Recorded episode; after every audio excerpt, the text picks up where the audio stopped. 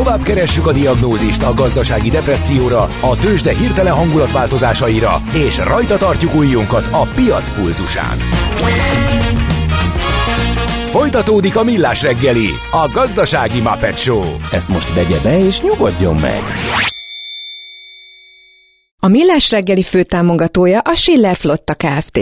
Schiller Flotta is rendtakár. A mobilitási megoldások szakértője a Schiller Autó tagja. Autók szeretettel. Jó reggelt kívánunk, kedves hallgatóink! 9 óra 11 perckor, 2023. augusztus 22-én itt a Rádió Café 98.0-án jelentkezik a Millás reggeli két műsorvezetővel, Ács Gáborral. És Mihálovics András. Meg a hallgatókkal 0636-os 98 0 98.0. Nagyon köszönöm, hogy hagytátok sztorizni, beszélni a vendéget, és nem szakítottátok meg percenként zenével. Szuper volt, köszi, és üdv írja Viktor hallgató, de cizelláljunk egy kicsit, mert hogy üzlet asszony meg azt írja, hogy sajnos nem tetszik, és sajnálom, hogyha ezt a fajta ízlést nyomjátok, de egy Nightwish nem fér bele, vagy más írja üzlet asszony. Hát ízlések és pofonok. Ja, Aztán itt van még Rojtos hallgató, aki a 87-ben alakult a Kispál, tavaly volt a Millás reggelen a 35 éves jubileumi beszélgetés Lovasival, egy óra hosszán igény lenne a, fo- a pótlására. Lehet egyébként, őt. szerintem Lovas is sokat nyilatkozik, és mindent elmondott a zenekar mert hogy tényleg szívesen és őszintén beszél, meg be sokan keresik, és nyilván persze ettől még, ettől még lehetne. Igen, aztán leoltottak, hogy bocs András, a Guns nem metal, de hát én nem csak Guns N' Roses hallgatok. Hát most, de nem is neveztél meg most zenekart külön, nem? nem Tehát nem most utaltál a Gunsra, úgyhogy már hallgatok egyszerűen pontosan tisztában vannak azzal, hogy te mit gondolsz annak, és erre reagáltak. A házitról meg megköszönte, hogy igen, igen, nagyon köszönöm, hogy csendben maradtatok. Uh, úgyhogy na ez a helyzet. Uh, illetőleg gyors közlekedési helyzetkép, mert sajnos van miről beszélni. Az m 0 keleti szakaszán az M5-ös előtt van egy baleset az M1-es autópálya felé, az M5-ös csopópontja előtt a belső sávban, illetve az m 0 északi szektorában is van egy baleset az M5-ös autópálya felé, ott meg Csömörnél. És ha mindez nem lenne elég, baleset történt a Bartók Béla úton kifelé, a Kosztolányi Dezső tér felé is.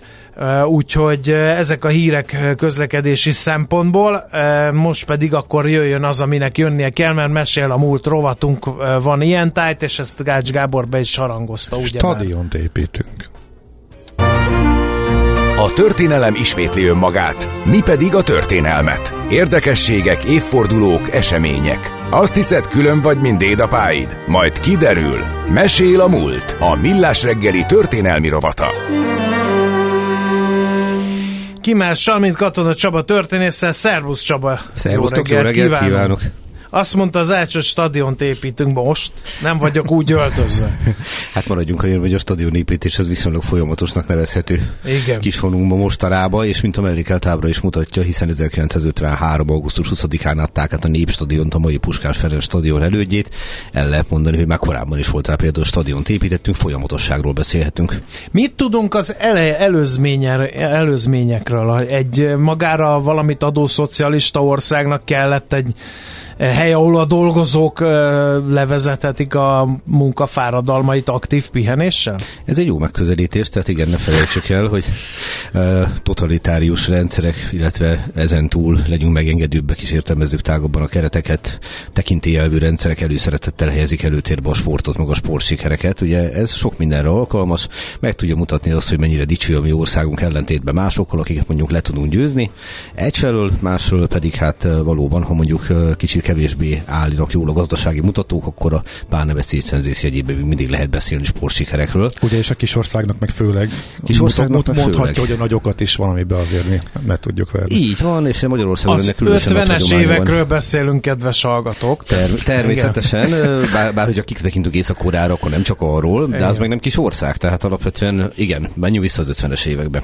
Nemzeti stadion, nemzeti stadion vagy népstadion, ugye rendszerfüggő, hogy most nemzeti vagy népstadionként közelítem meg, de ennek a gondolata már a két háború között fölmerült. Tehát már akkor volt arra példa, hogy elkezdtek gondolkodni, hogy például lágymányosan fölépítsenek egy olyan stadiont, ahol a nemzeti válogatott ugye vívhatja meg küzdelmeit. Már, mint a foci? Már foci, is? természetesen igen, hát a legnépszerűbb sportok egyike már ebben az időben is. Ugye? Itt, mikortól lett a legnépszerűbb sport a foci? Na, nagyjából már a 10-20-as évektől ezt el lehet mondani. Igen? Tehát Aha. ne felejtsük el, a hortikorszakban már profi bajnokság van, tehát ha jól emlékszem, talán a 30-as évek elejétől, 20-as évek végétől, hogy akkor alakul át az MTK Hungáriává, és így tovább. Tehát a, ebből a szép, kedves, amatőr kezdeményezésből, hogy rudaljuk a labdát, na meg egymást, na ebből átalakul egy teljesen más jellegű sportküzdelem, tehát a professzionalizmus.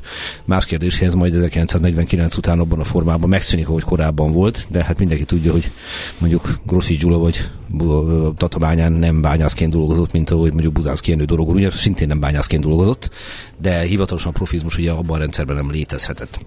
Ugyanakkor meg az nem volt egy teljesen ördögtől való gondolat, hogy építsünk fel egy olyan stadiont, ahol a nemzeti válogatott megvívhatja a meccseit.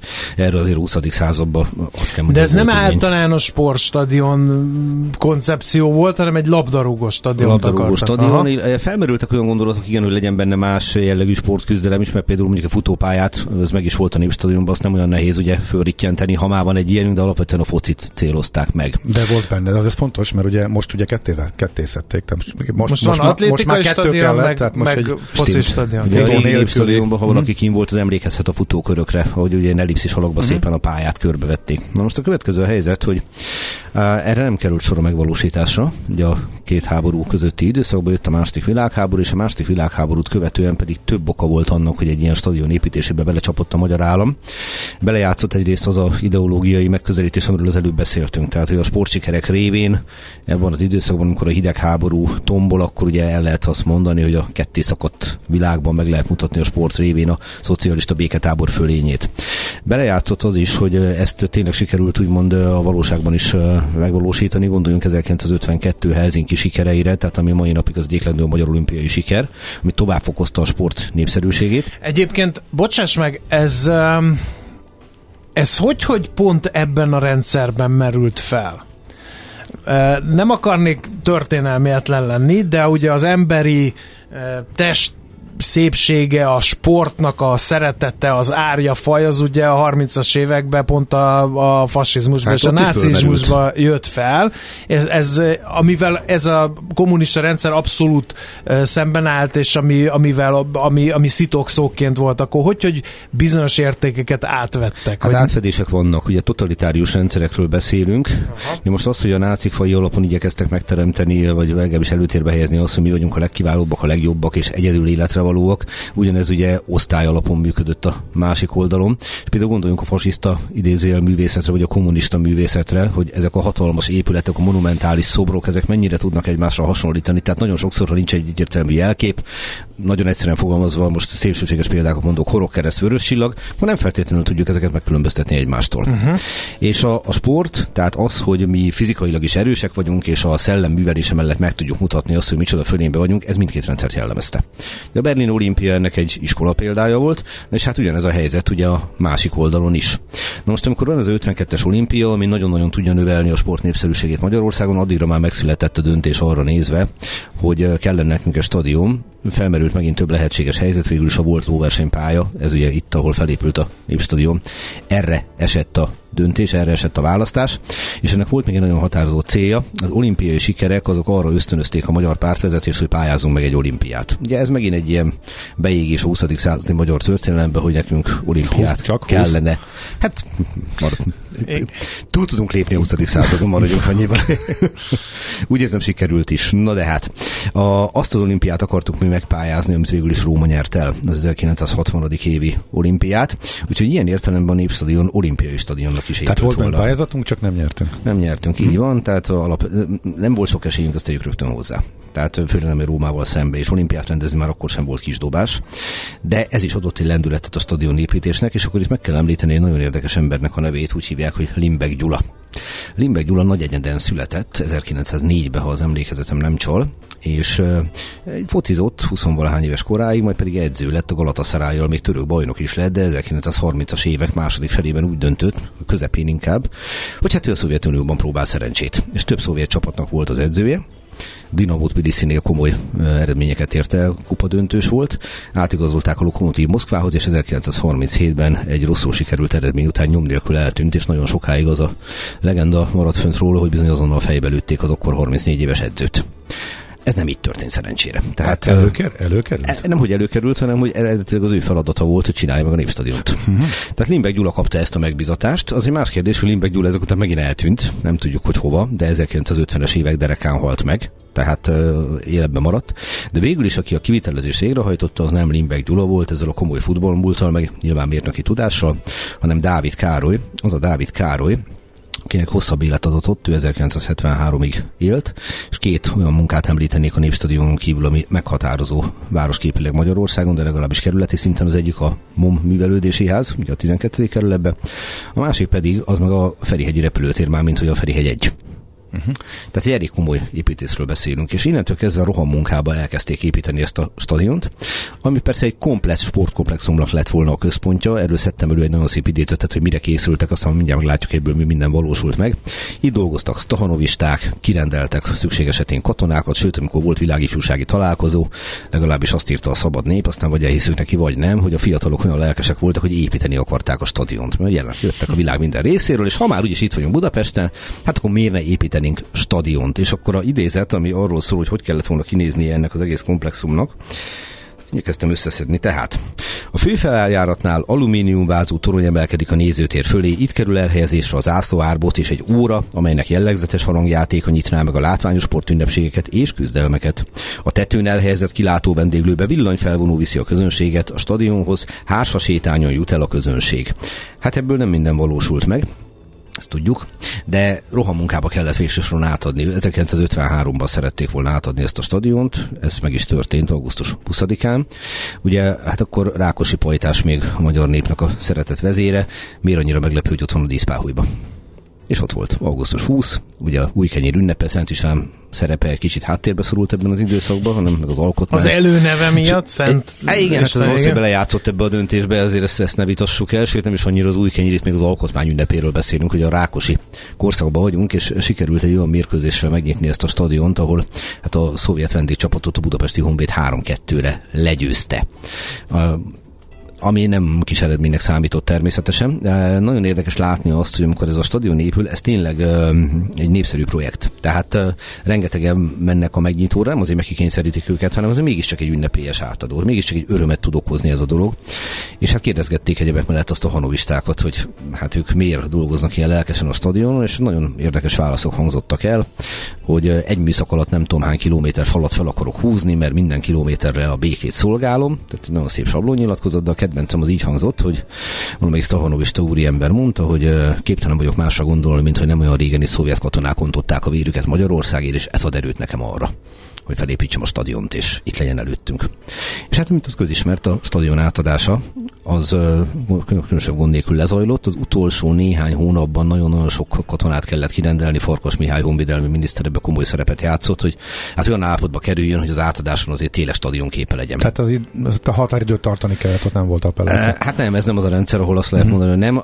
Ugye tudjuk a tanú óta, hogyha megírta a szabad nép, hogy van magyar narancs, akkor van magyar narancs, a részleteket fedje jótékony homály. Uh-huh. De hát ezzel együtt természetesen a stadion az alkalmas volt arra, hogy uh, meccseket játszanak benne. Ugye adott egy lendületet az építkezésnek az is. Uh, De ez nem lett kész, hiányos volt a lelátó, nem? Így van, tehát még nem volt kész. Tehát, uh, De ez úgy is maradt utána, nem? Hát ugye az egy egyik része ilyen csonkának Igen. tűnik ugye a mai napig. Ugye ezek a tervek, amiket itt leírtunk, és voltak ilyen tervek, hogy úszómedencék lesznek az oldalán, meg vízikomplexum, ezek nem valósultak meg. Ezek nem valósultak meg, tehát az átadással igazából véget ért az a fajta lendület, amelyik egy ilyen elképesztő sportkomplexumot képzelt el, Ugyanakkor viszont ugye tegyük hozzá azt is, és ez is mutatta az igényt, hogy viszonylag ismert történet, hogy nem sokkal előtte, hogy megszületett a döntés, leszakadt az ülői útról lelátó egy meccsem és ugye több mint 250 néző így lezuhant, túlélték, senki nem halt meg, de ez is segített ugye egy olyan döntés hozni, hogy legyen egy nemzeti stadion, ahol modern meccseket lehet rendezni. Képzeljük el azt a blamát, amikor még ilyen történik egy nemzetközi válogatott mérkőzésen, és itt vannak a külföldi a tudósítók. És akkor így adták át végül is ezt a stadiont, hát mint az közismert a római olimpia megrendezése az, ahogy a neve is magában hordozza, az Rómában kerül sor. Mi nem rendeztünk olimpiát, utána, sem, sem utána nem ment, 60-ba. Utána miért nem ment tovább a rendszer ezzel? Volt már, a, volt más baj a olimpiai pályázatokkal? Nem tudom, hogy pályáztak-e utána, lehet, hogy igen. De uh, ugye az 50-es években a sport az, az különösen kiemelkedően fontos dolognak számított. Tehát azért a kádári rendszerben bármennyire népszerű volt a sport, olyan, olyan súlyosan ideológia már messze nem rakódott rá, mint ugye a klasszikus Ákosi rendszerben, az meg 1956-tal véget ért, akárhogy is nézzük. Természetesen 58-ban, mm-hmm. a 60-ban, 64-ben ott is az olimpiáról ugye rendkívüli fontosságú volt, hogy mi milyen sikereket érünk el, de azért megnézzük a korabeli tudósításokat már messze nem azt lehet olvasni, hogy ez a szocialista sport sikere, hanem egyszerűen az, hogy nyertünk, és sokkal inkább a nemzeti vonal kerül előtérbe, tehát hogy a magyar csapat győzött. Aha, tehát és 56 után ez nem volt olyan fontos. Nem, azt nem mondom, hogy nem volt fontos, de annyira biztos, hogy nem. Tehát, uh-huh. De ez meg, ez meg azt az egész rendszert mutatja, hogy ugye bármennyire szeretjük azt gondolni, hogy 1948-49-től 1990-ig minden ugyanaz volt, ez azért nem igaz.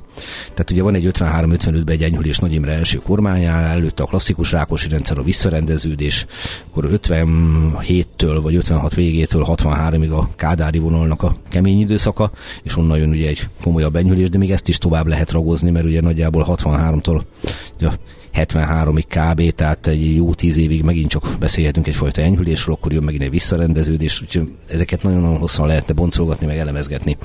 Ami um, azt kérdezi a hallgató, és érdekel a véleményed, de kicsit talán érintettük is már ezt a témát, hogy a sportversenyeket régebben is használták a politikusok arra, hogy a közvélemény kevésbé figyeljen aktuális közéletügyekre. Abszolút mértékű. Vagy ez inkább ilyen társadalmi feszültségek békés levezetésére szolgált, Lásd Újpest Fradi meccsek megrendezése mondjuk a Népstadionban. Természetesen használták, tehát ugye nagyon mai napig lehet olyat látni, akkor is lehetett ilyet látni, két háború között is lehetett ilyet látni, totalitárius rendszerben is, nem totalitárius rendszerben is, hogy a politikus megjelenik az adott meccs, ö, csapatnak a meccsén, megjelenik a díszpáholyba, köszönti az elején a nézőket, átadja a díjat, vagy átad valami elismerést, vagy kitüntetést egy sikeres csapatnak.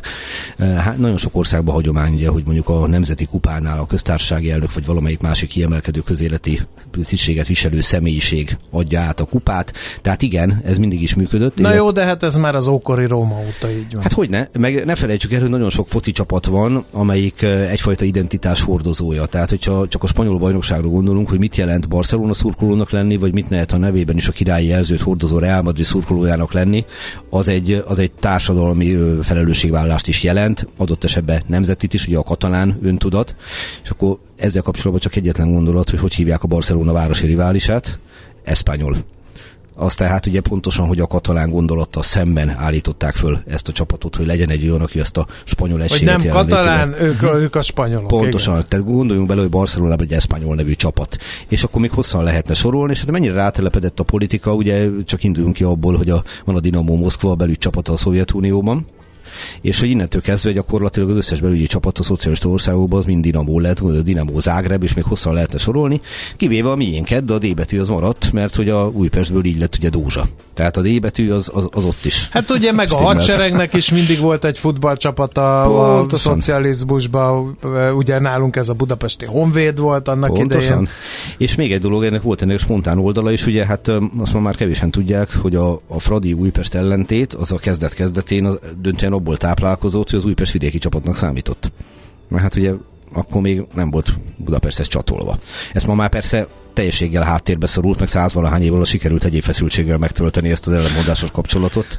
És igazából már senkit nem érdekel, miért kell utálni a másikat, mert csak jól esik, tehát igazából tényleg ennyi van És mögötte. közösen utálják a Debrecen mondjuk, mert az meg vidéki hát csapat. Meg az, az, előbb az MTK. Maradjunk annyiban, hogy sikerül mindig megteremteni valamilyen ideológiát, ami a nemzeti minimum magvához elvezet minket, csak kérdés, hogy szükség van erre a nemzeti minimumra. Igen. Egyébként ez pénzben mennyire viselte meg az ország gazdaságát a Népstadion építése, mennyire volt ez társadalmilag támogatott, mennyire volt elégedett a párt vezetés ezzel a teljesítménnyel, szóval ez egy ilyen sikersztorinak nevezhet. Ezt azért kérdezem, mert amikor a Szent István Bazilikáról beszéltünk, ott azért visszaköszöntek azok a nyalánkságok, amit itt is lehet hallani nagy közberuházások kapcsán, hogy nem akkor, nem annyiból, nem úgy készült el, leváltották, elzavarták, kiakadtak, újra tervezték, stb. stb és ezt most bármelyik 20. századi, 21. századi beruházással kapcsolatban, legutóbb ugye Lánchíd felújítása kapcsán mentek ezek a viták, hogy ez egy ilyen sikersztori volt, vagy csak elhallgatták azt, hogy mert utaltál erre, hogy a végén azért meg kellett nyomni a hadseregnek, és egy kicsit, hogy legyen munkáskéz, és időre A, a konkrét összegeket nem tudom, de az biztos, hogy itt központi költségvetés volt, és ugye ez a központi költségvetés itt, itt gyakorlatilag a pénz nem számított. Tehát azt mondták, hogy ezt meg kell csinálni, és kész. Ugye egy váltásról tudok, egy élesebb váltásról, ez amit az előbb említettem, hogy alapvetően Limbeck Gyula helyett ugye Dávid Károly került előtérbe, nem tudjuk pontosan mi történt. Tehát források hiány erről nehéz nyilatkozni. Ami viszont a hadseregnek a bevetését illeti, meg a stavonolistákat, meg minden egyebet, annak egyetlen oka volt, egész egyszerűen nem készültek el a határidőre. Tehát itt nem arról volt, hogy elfogyott a pénz, és azért nem tudták megrendelni, ez nem a kapitalizmus, hanem egész egyszerűen ez a lelkes munka, akármilyen lelkes volt, azt a bizonyos határidőt nem tudta volna tartani, illetve részben nem is tudta tartani, már pedig olyat már láttunk, meg fogunk is látni, hogy valami nem készül el, de azért átadjuk, legfeljebb átadjuk jövőre is, meg majd még egy év múlva átadjuk. Hát a Népstadion esetében erre nem került sor. Rákosi Pajtás megmondta, hogy 53. augusztus 20-án ott akar lenni az átadón, és ott volt az átadón. Tehát ez a dolog ilyen értelemben sikernek nevezhető. Csak percig ne felejtsük el, a Népstadion az legendává vált. Tehát ma már ugye Puskás Ferenc stadionnak hívják az utódját, de az is megőrizte részben ugye a régi stadiont, és azt gondolom, hogy ez nagyon helyes, mert egy korszak történeti emléke. Illetve 53-tól addig, amíg a stadion az új formájában létre nem jött, szerintem több nemzedéknek egy beégett élménye válogatott meccsre menni a Népstadionba. Most tök mindegy, hogy hívjuk. Ugye voltak, amikor még más színvonalú volt a magyar így, labdarúgás, így. akkor kettős rangadók, így, ami így. telt ház előtt ma már elképzelhetetlen. Hogy... Így, így. És ugye olyan legendás meccsek, mit tudom én, 1973, amikor Estrőn befejeli azt a bizonyos volt szegény Bicskei Bertalannak, aki talán egyszer volt egyetlen egyszer válogatott, ezek mind-mind ehhez a, ehhez a Vagy itt a húsvét, itt a nyúl, magyar-brazil 3-0. Életem első válogatott meccse volt, amit a helyszínen láttam, úgyhogy az egy nagyon nagy élmény volt nekem. 1906-os évjáratú nagypapám, akit már a 20-as években kordlapozta Fradi szurkolóként. elvitt oda, és megnéztük, hogy hármat ütünk a braziloknak, és annyira jól esett. Igen. Meg hát ugye a koncertek. Na tűnik, tehát a Queen-től kezdve sok mindenről beszélhetünk. Úgyhogy igen, a Népstadion a magyar történelem része lett. Hát Rákosi nem arra gondolt, hogy egyszer majd Freddie Mercury el fogja énekelni a tavaszi szél vizet áraszt kezdetű magyar népdalt, de ez is megtörtént. De oké, okay. Csaba, nagyon szépen köszönjük. És fontos bejelentésünk van, hogy Csaba itt lesz velünk, és egy hosszabb időben is, eh, majdnem egész végig pénteken, úgyhogy ismét egy speckó műsor, kértétek, és eh, lehet majd témákat is eh, ajánlani, ha akár találkoztok még olyan utcanévvel Budapesten, akit még Csaba nem elevenített fel, akinek az alakját, a névadó alakját nem elevenített Akit nem tudtok hova tenni. Vagy nem tudtok hova tenni. Szabadságtér. Oké. Okay. Vagy egyébként is, ami Vagy kreált szovjet 48-as szabadsághősök, azok is jók szoktak lenni, igen. Szóval izgalmas történelmi témák, úgyhogy javaslatokat is küldhettek, lesz majd szavazásunk is. Készülünk, a lényeg az, hogy pénteken Csabával ismét és egy bővített verzióban is találkozhatok. Most nagyon szépen köszönjük tehát akkor a névstadion történetét, és akkor folytatjuk. Nem is egy hét múlva, hanem már pénteken. Katona Csaba történész volt tehát a vendégünk. Mesél a múlt. Történelmi érdekességek, sorsok, életutak a millás reggeliben. Tőzsdei és pénzügyi hírek első kézből a Rádiókafén, az Equilor befektetési ZRT-től. Equilor, 1990 óta a befektetések szakértője. És ha minden igaz, akkor itt van velünk Búró Szilárd, pénzügyi innovációs vezető. Jó reggelt! Jó reggelt, sziasztok, üdvözlöm a hello, hello. Na, hát tegnap kiment ismét történelmi csúcsra a Bux, még az OTP segítsége nélkül is, nagyrészt a MOL jó voltából. Tud-e még erre rátenni egy lapáttal? Így van, ma bejött az OTP segítsége is, és hát láthatunk még egy olyan csoda részvényt, mint az Opus, amelyik nem elég, hogy 7,8%-os pluszban van, de viszi a legnagyobb forgalmat is, ami azért, hát mondjuk ki őszintén meglepő. A napok óta így van. És igen, és, és egyelőre egyelőre úgy néz ki, hogy folytatódik az emelkedési lendület a teljes buxra nézve is, most 0,6%-os a Bux Index plusz és ez 57.029 pontot jelent ebben a pillanatban, de, de gyakorlatilag minden jel arra utal, hogy, hogy a jó hangulat az, az velünk marad és kitart, és mindezt úgy tudjuk tenni, hogy, hogy azért Európában is alapvetően jó a hangulat, de, de azért kevés index van, ami ilyen mértékben tud emelkedni, mint a budapesti értéktősde, úgyhogy, úgyhogy alapvetően folytatódik minden szempontból ez a, ez a jó környezet.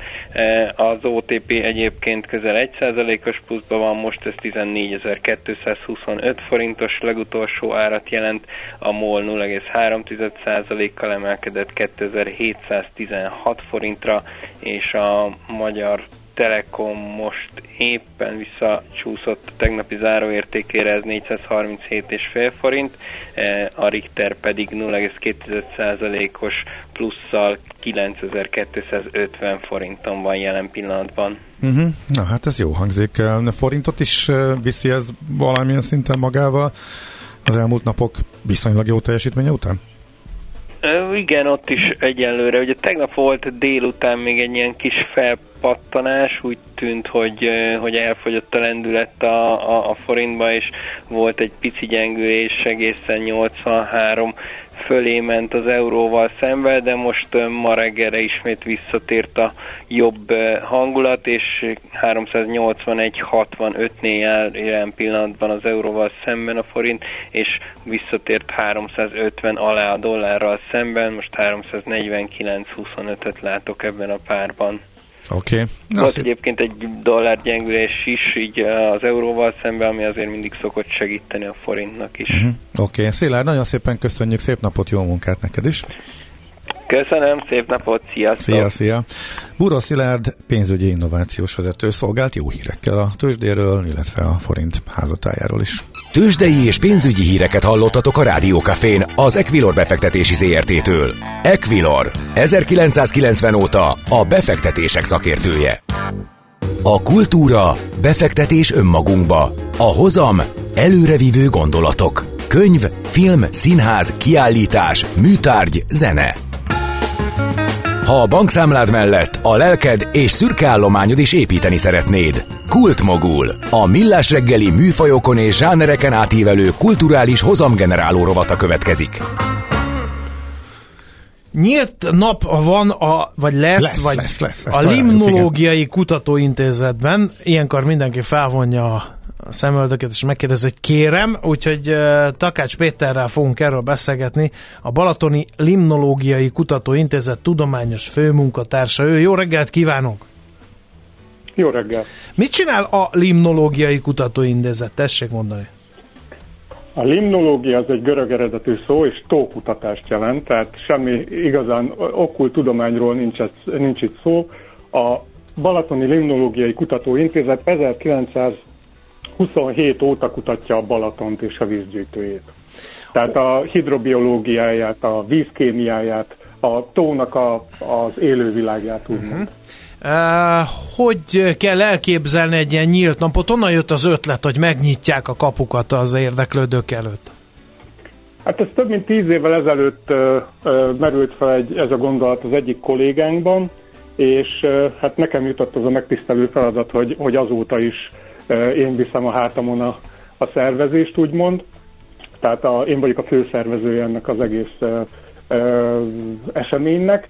Ugye máskor is szoktak hozzánk látogatóba jönni, tehát fogadunk csoportokat, és akkor tartunk szívesen előadást ö, ö, különböző témák, bocsánat, témákban a, a Balaton élővilágáról, vagy vízkémiájáról, vagy az egész tónak a fejlődés történetéről de egy olyan napot akartunk kijelölni a turisztikai szezonban valamikor, amikor, a, amikor mindenki a, a látogatók rendelkezésére áll. Tehát a, a, az algász kollégák, akik idegélettannal foglalkoznak, a halas kollégák, tehát tulajdonképpen az összes kolléga e, itt van, és egy napig lehet bennünket faggatni, és mi nagyon szívesen megosztjuk a tudásunkat a látogatókkal. Aha, és ezt, ezt hogy kell elképzelni a gyakorlatban? Tehát elmennek a Limnológiai Kutatóintézetbe, és ott ilyen, ilyen állomások vannak, ahol az, minden asztalnál más-más kollega van, és ott tényleg bármit lehet kérdezni? Hogy mi van a gardával, veszélyes a kék alga, meg ilyesmiket? Így van, természetesen. Uh-huh. Ugye a Balatonhoz, mint a focihoz, meg a politikához mindenki ért. Igen. Tehát így meg lehet figyelni, hogy május környékén állandóan jönnek a, a riasztások a, a tóval kapcsolatban. És hát igazából a nyílt napnak ez is lett volna az egyik apropója, hogy, hogy ha lehet, akkor szakértőket is hallgassan már meg a közvélemény a, a, a tóállapotáról.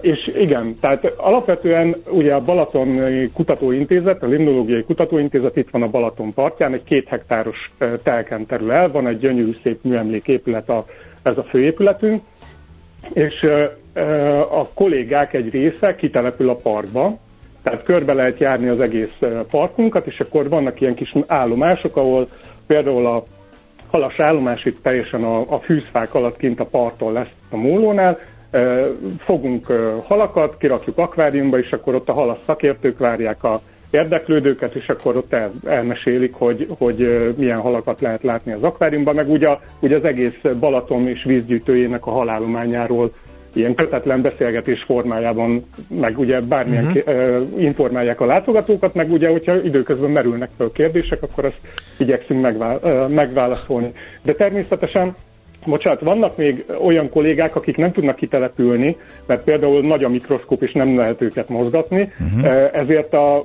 lesznek laborbemutatók is, tehát ilyenkor be lehet jönni az épületbe, körbe lehet járni. A Balatoni Limnológiai Intézet azért egy nagyon érdekes helyszín ebből a szempontból is, mert ez volt az első olyan épületkomplexum, ami valóban kutatási célra épült. Tehát ez egy ilyen kastélyépületnek néz ki, de, de egy neoreneszánsz stílusban épült épületkomplexum, de ez, ez gyárilag úgymond, tehát eredetileg is kutatóintézetnek épült. Aha. Tehát maga az épület is egy gyönyörű szép Igen. és egy, egy nagyon látványos terület, amit érdemes megnézni. E, még egyet áruljon el, hogy mikor és milyen körülmények között juthat be ezekre a programokba az érdeklődő. E, kell előzetes regisztráció, meg mikortól meddig zajlanak a programok, tehát néhány ilyen hasznos gyakorlati információt kérnénk még. Ez pénteken lesz, 25-én reggel 9 órától délután 4 óráig tart ez a Balaton, Veszprém Balaton Európa Kulturális Fővárosa program keretében, vagy program sorozat keretében fog megvalósulni ez a nyílt nap. Én úgy tudom, hogy nem kell regisztráció, tehát szívesen fogadunk bárkit, aki betéved.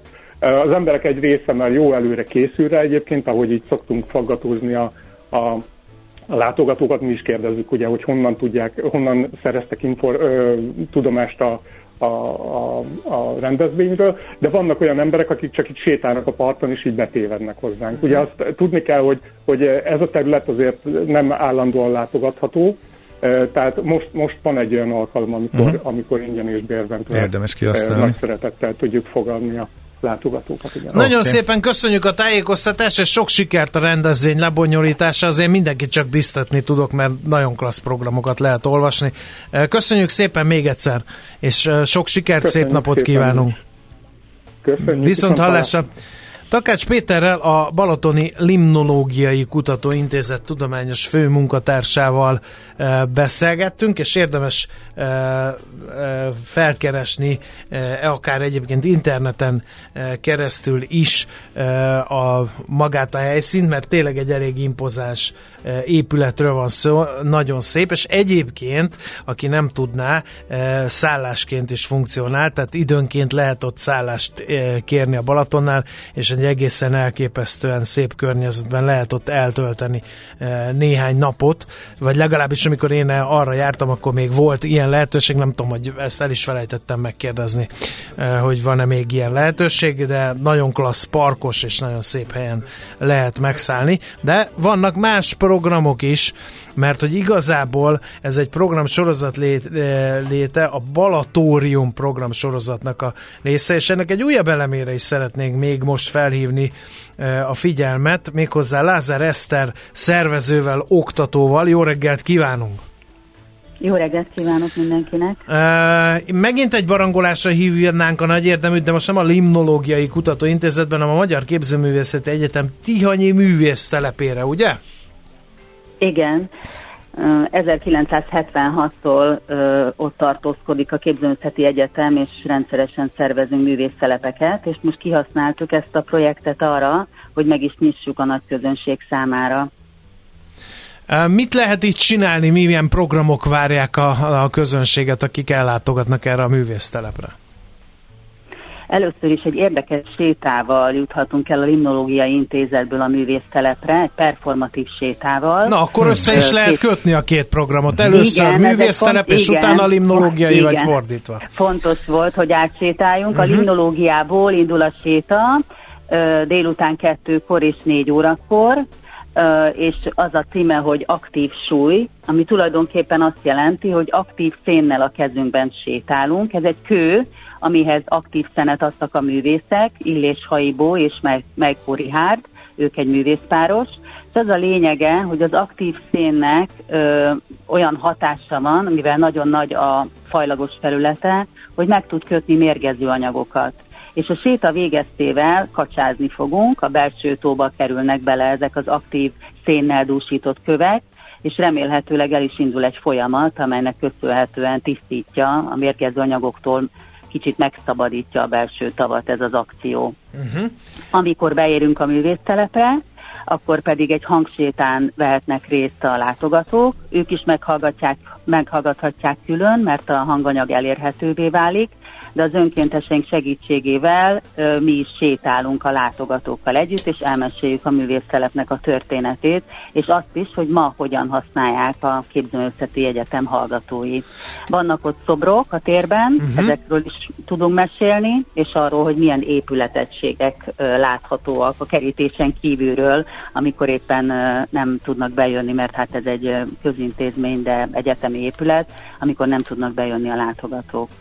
Alkotókkal lehet egyébként találkozni, vagy most csak az épületet és néhány mű, uh-huh. vagy képzőművészeti alkotást lehet megtele, megtekinteni?